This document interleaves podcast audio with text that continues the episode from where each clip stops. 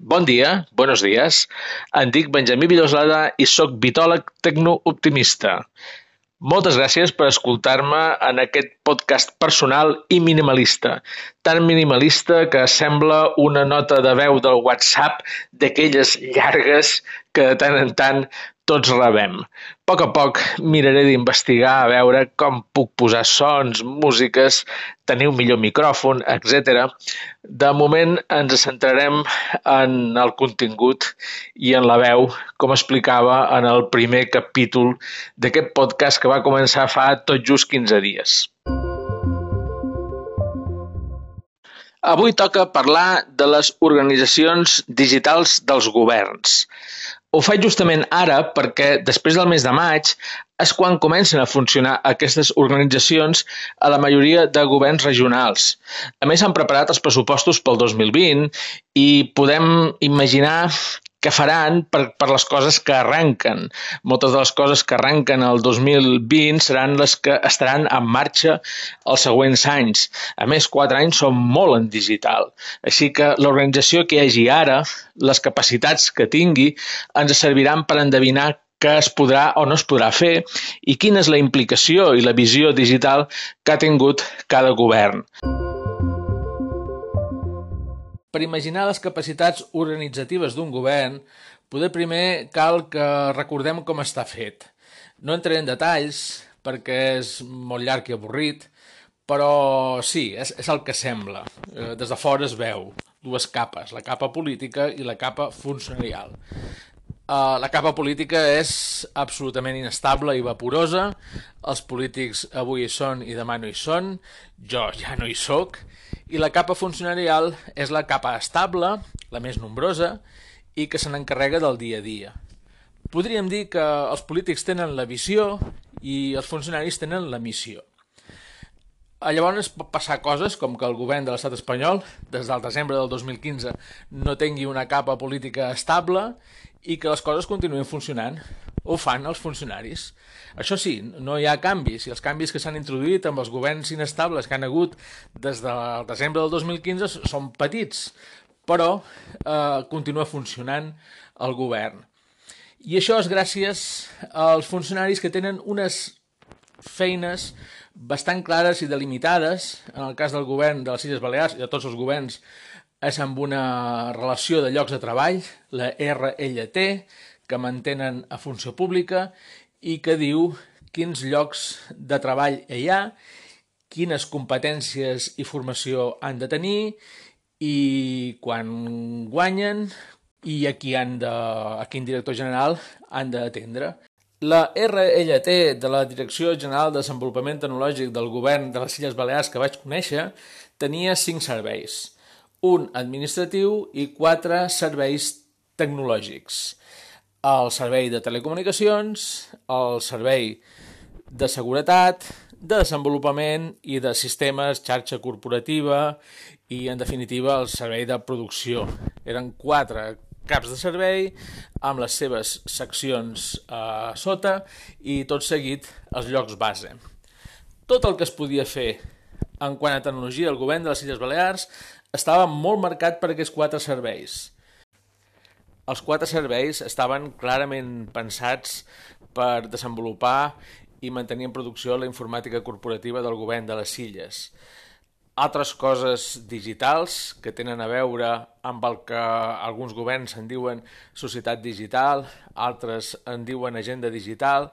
Per això no hi havia personal amb responsabilitats clares a la RLT que digués que havien de fer feina amb aquestes qüestions. I què passava si sorgia algun projecte que tingués a veure en societat digital? Bé, doncs el director amb la seva assignatura pot arribar prou lluny, se podia encarregar d'assegurar-se que fos legal el contracte que ell mateix preparés amb els serveis jurídics de la conselleria.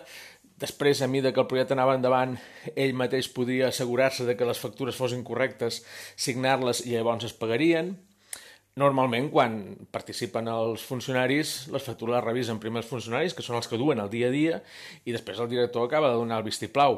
Aquí no, no hauria aquesta, aquesta fase de passar pels funcionaris. Seria tot responsabilitat del director i no deixaria de ser un risc. També podria passar que ho demanés a una empresa pública, que fes un encàrrec al sector públic instrumental, perquè el gerent de l'empresa pública doncs és del mateix eh, partit, del mateix equip, de la mateixa conselleria, i et poses d'acord i, i, i ho tires endavant, i llavors eh, l'empresa pública, amb el seu personal, que poder sí que té personal especialitzat en societat digital, que t'ho tira endavant, però mm, ho pagarà la teva direcció general amb el pressupost sense que tampoc passi per cap funcionari. Això voldrà dir que el dia que el polític no hi sigui, qui continuarà aquell projecte que ha començat amb una empresa pública que el càrrec eh, de l'empresa pública, el gerent, tampoc hi és perquè també és polític. Aquí és on s'han malmès molts de diners públics per això les empreses públiques ara també estan més vigilades i ja quasi és tan difícil fer un projecte amb una empresa pública com dintre de la mateixa administració. Tenen tractament gairebé de uh, funcionaris. Abans no, les empreses públiques en teoria eren àgils com les empreses privades. Ara uh, s'han fet tants disbarats que ara ja no. És, uh, un... En realitat és una bona notícia, però resta d'agilitat. Necessites tenir personal, no pots improvisar, has de tenir un personal estable que, com explicava abans, costa força d'aconseguir. I, clar, molts polítics, sabent que no hi és gaire temps, tenen ganes de presentar coses, tenen pressa i no es poden esperar i de tant en tant se'n fan d'aquestes uh, d'aquestes idees, d'aquests projectes que tenen molt poc recorregut, però sí, s'ha fet un gran anunci, uh, uns mesos abans del cessament. Tot això que he explicat fins ara és per argumentar la necessitat d'una estructura fixa, estable, de funcionaris amb especialitats que tenen a veure en qüestions digitals i que no es moguin gaire del seu lloc, que puguin anar creixent dins d'aquestes competències per fer possible que els projectes que tenen els directors i directores de torn eh, puguin tenir recorregut, que continuïn quan ells no hi siguin.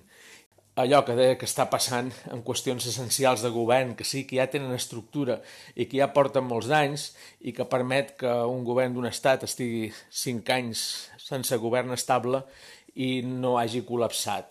Doncs el mateix ho haurien de voler també pel digital i com no és el cas, per això ens fixem en com han fet alguns. L'estructura digital ideal a un govern és una conselleria. Ho tenen a Catalunya, es diu Conselleria de Política Digital. Quan vols que un govern tingui un servei estable, en recorregut, fixat, eh, que sigui important perquè no es pugui parar ni pugui retrocedir, fas una conselleria. Crec que només la tenen a Catalunya.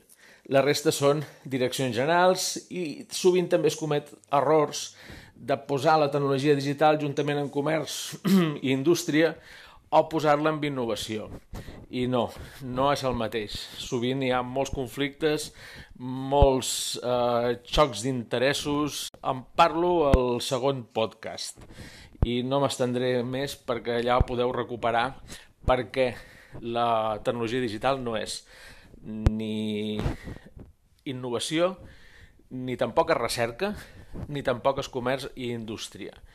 Necessita de les tres coses. Necessita recerca, necessita innovació i necessita comerç i indústria, però en moments puntuals. El seu focus no és cap d'aquests tres, és una altra cosa, és modernització. Bé, eh, aquest és un altre error i llavors veus que un govern va bé quan fa direccions generals dedicades només a qüestions digitals i que no són la informàtica corporativa del propi govern. És a part. Avui, a la xarxa social, llegia un titular que deia, més o menys, que els polítics són ignorants en quant a ciència i que els científics són ignorants en quant a política. Canvieu ciència per tecnologia digital i el resultat serà el mateix en la majoria dels casos. Aquesta ignorància en quant a política o en quant a tecnologia digital pels uns i els altres, la vaig veure clara quan eh, vaig arribar al govern el 2015 com a tecnòleg. No immediatament, és una cosa que vas veient a mida que com a tecnòleg vols posar en marxa idees i projectes que tens i te n'adones que no hi ha estructura de govern.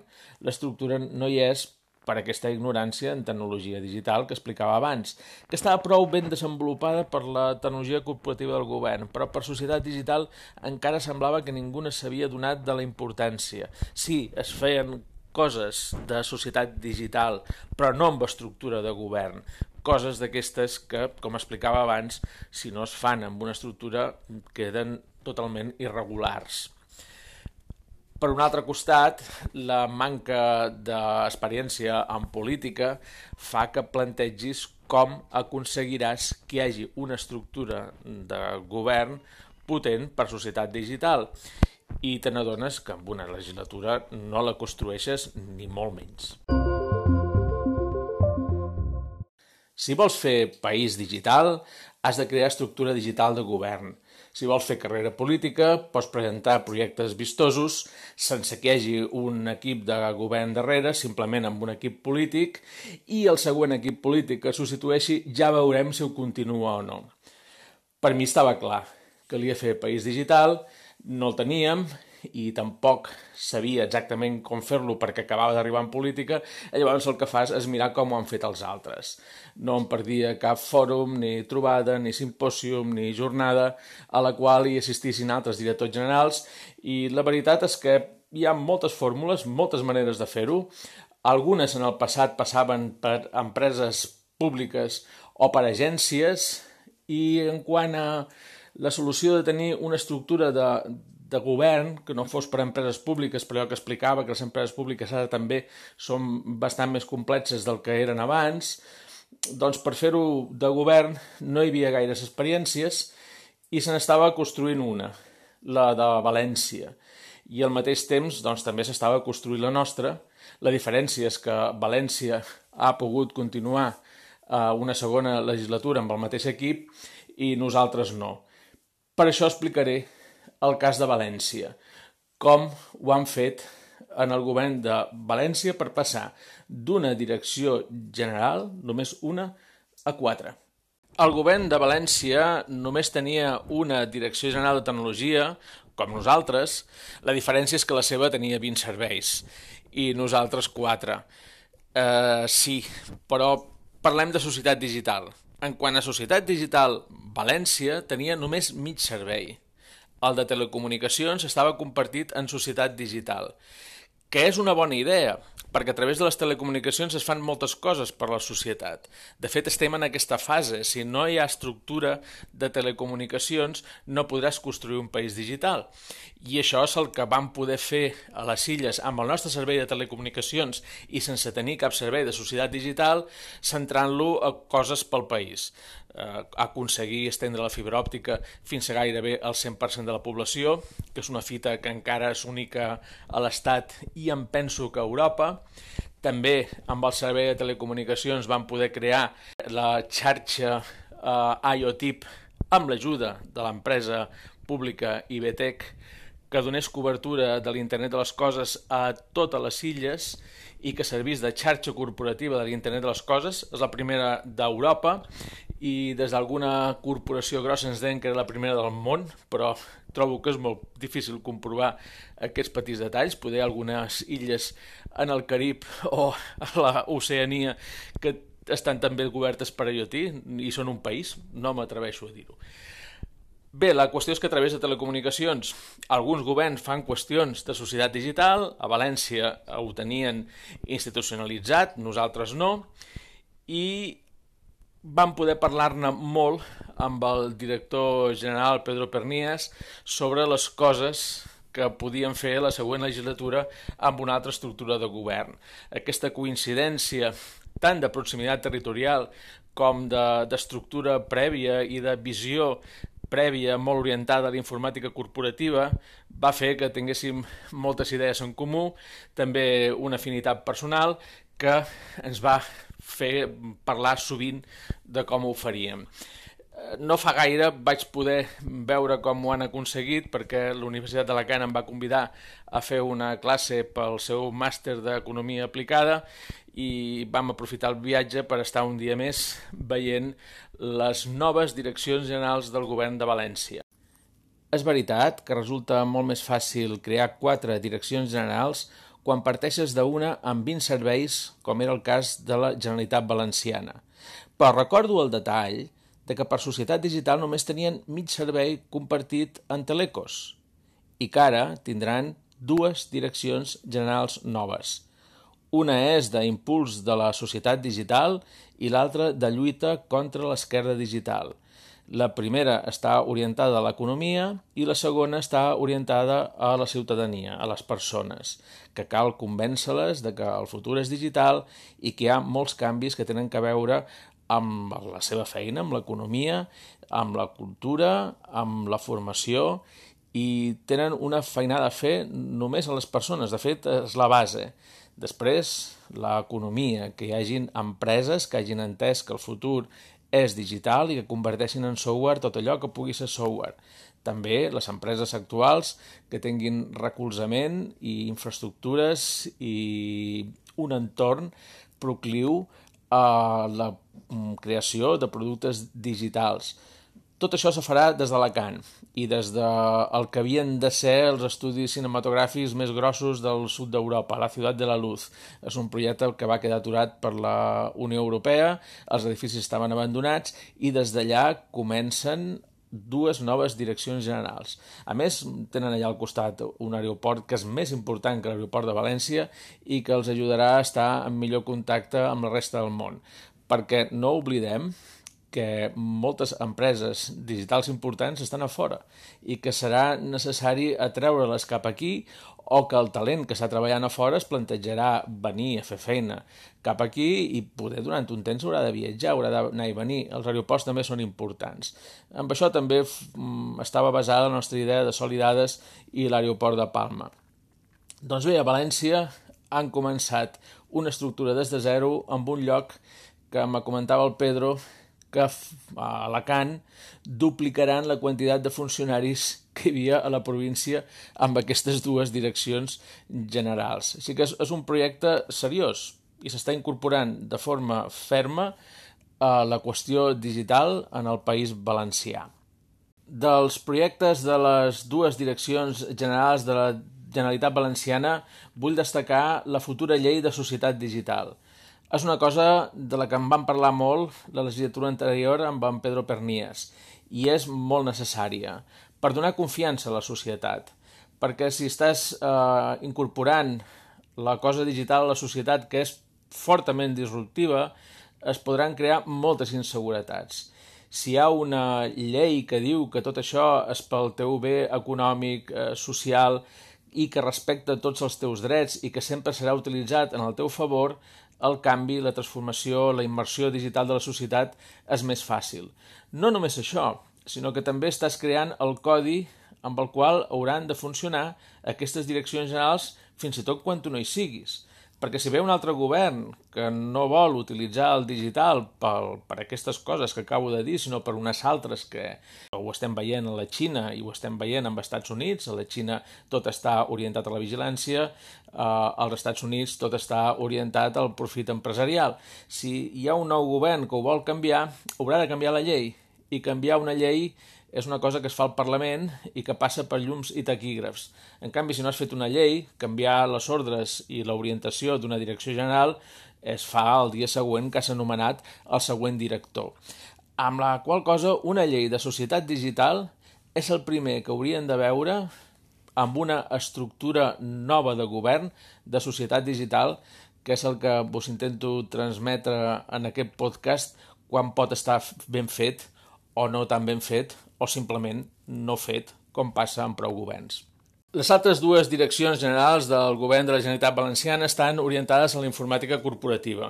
Són a València i venen del que era la DGTIC. La DGTIC de 20 serveis ha quedat reduïda a desenvolupament i producció de, de software corporatiu del govern i s'ha creat una nova Direcció General d'Impuls d'Administració Digital. Aquesta nova Direcció General se n'encarrega de dir com ha de ser el software. Si amb una organització tan grossa com un govern, en tants de negocis diferents, tot també ha de ser software i s'ha d'arribar fins al govern digital, fa falta molt de personal funcional que digui com ha de ser i que ho analitzi des del punt de vista de, dels usuaris i de la ciutadania i no tant des del punt de vista tecnològic, que és el que se n'encarrega la direcció general clàssica de GETIC que han tingut tots els governs. Aquesta necessitat de personal funcional també la van veure el govern de les Illes i per això a mitja legislatura es va crear l'Oficina d'Administració Digital a Presidència i es va fer per ajudar a la DGTIC a programar software d'administració digital perquè hi havia moltes coses per fer i no hi havia ningú en el govern que ens digués com s'havien de fer. Llavors es va crear aquesta nova oficina. Pel meu gust s'havia de repensar. Havia de tenir personal només per qüestions funcionals, de la forma, la qualitat que havia de tenir el software i no havien de ser tècnics de software. Vull dir, de la mateixa manera que per, per ser un bon cuiner no has de ser granger ni pagès, ni tampoc has de ser pescador per fer un bon plat de peix. Els bons xefs tots són això, cuiners. Ens feien falta cuiners gent que eh, presentés i elaborés els productes digitals per tot el govern i nosaltres, la DGTIC clàssica, érem els tècnics, els que fèiem de pagesos, de grangers i de pescadors. És una metàfora perquè s'entengui. Pel meu gust, la Direcció General d'Impuls de l'Administració Digital que tenen a València està més ben pensat perquè és personal només de qualitat, personal jurídic, d'usabilitat, personal que eh, se dedica a portar la tecnologia a les taules i els informàtics, en lloc de portar-los a les taules, doncs estan seguts a la seva taula programant i mantenint tot allò en marxa que és el que han de fer. En definitiva, les coses que calen per tenir una estructura de govern digital que ens ajudi a arribar a tenir un país digital és, si pot ser, una conselleria, si no pot ser direccions generals amb una cosa que més o menys s'assembli al que he explicat del govern valencià, i lleis. Tenir lleis que parlin de la societat digital i que estiguin molt pensades i orientades cap al servei a la ciutadania, perquè cal convèncer el país de que el futur de la nostra economia, de la nostra feina i de les nostres relacions socials van totes cap al digital. I els governs hi tenen moltes responsabilitats en aconseguir que d'aquí a uns anys pensem que estem ben situats perquè quan va ser el moment van fer les coses que havien de fer. Moltes gràcies per haver-me escoltat i fins al següent podcast.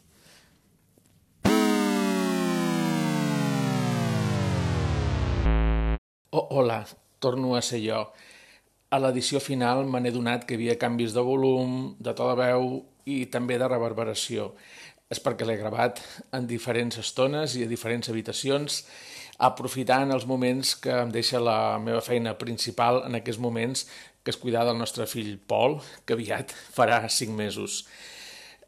He intentat eh, marcar-vos els canvis amb sons, m'ha servit per descobrir que l'aplicació Anchor també té sons. I bé, això, disculpeu, i moltes gràcies per haver arribat fins aquí i fins al pròxim capítol. Mm -hmm.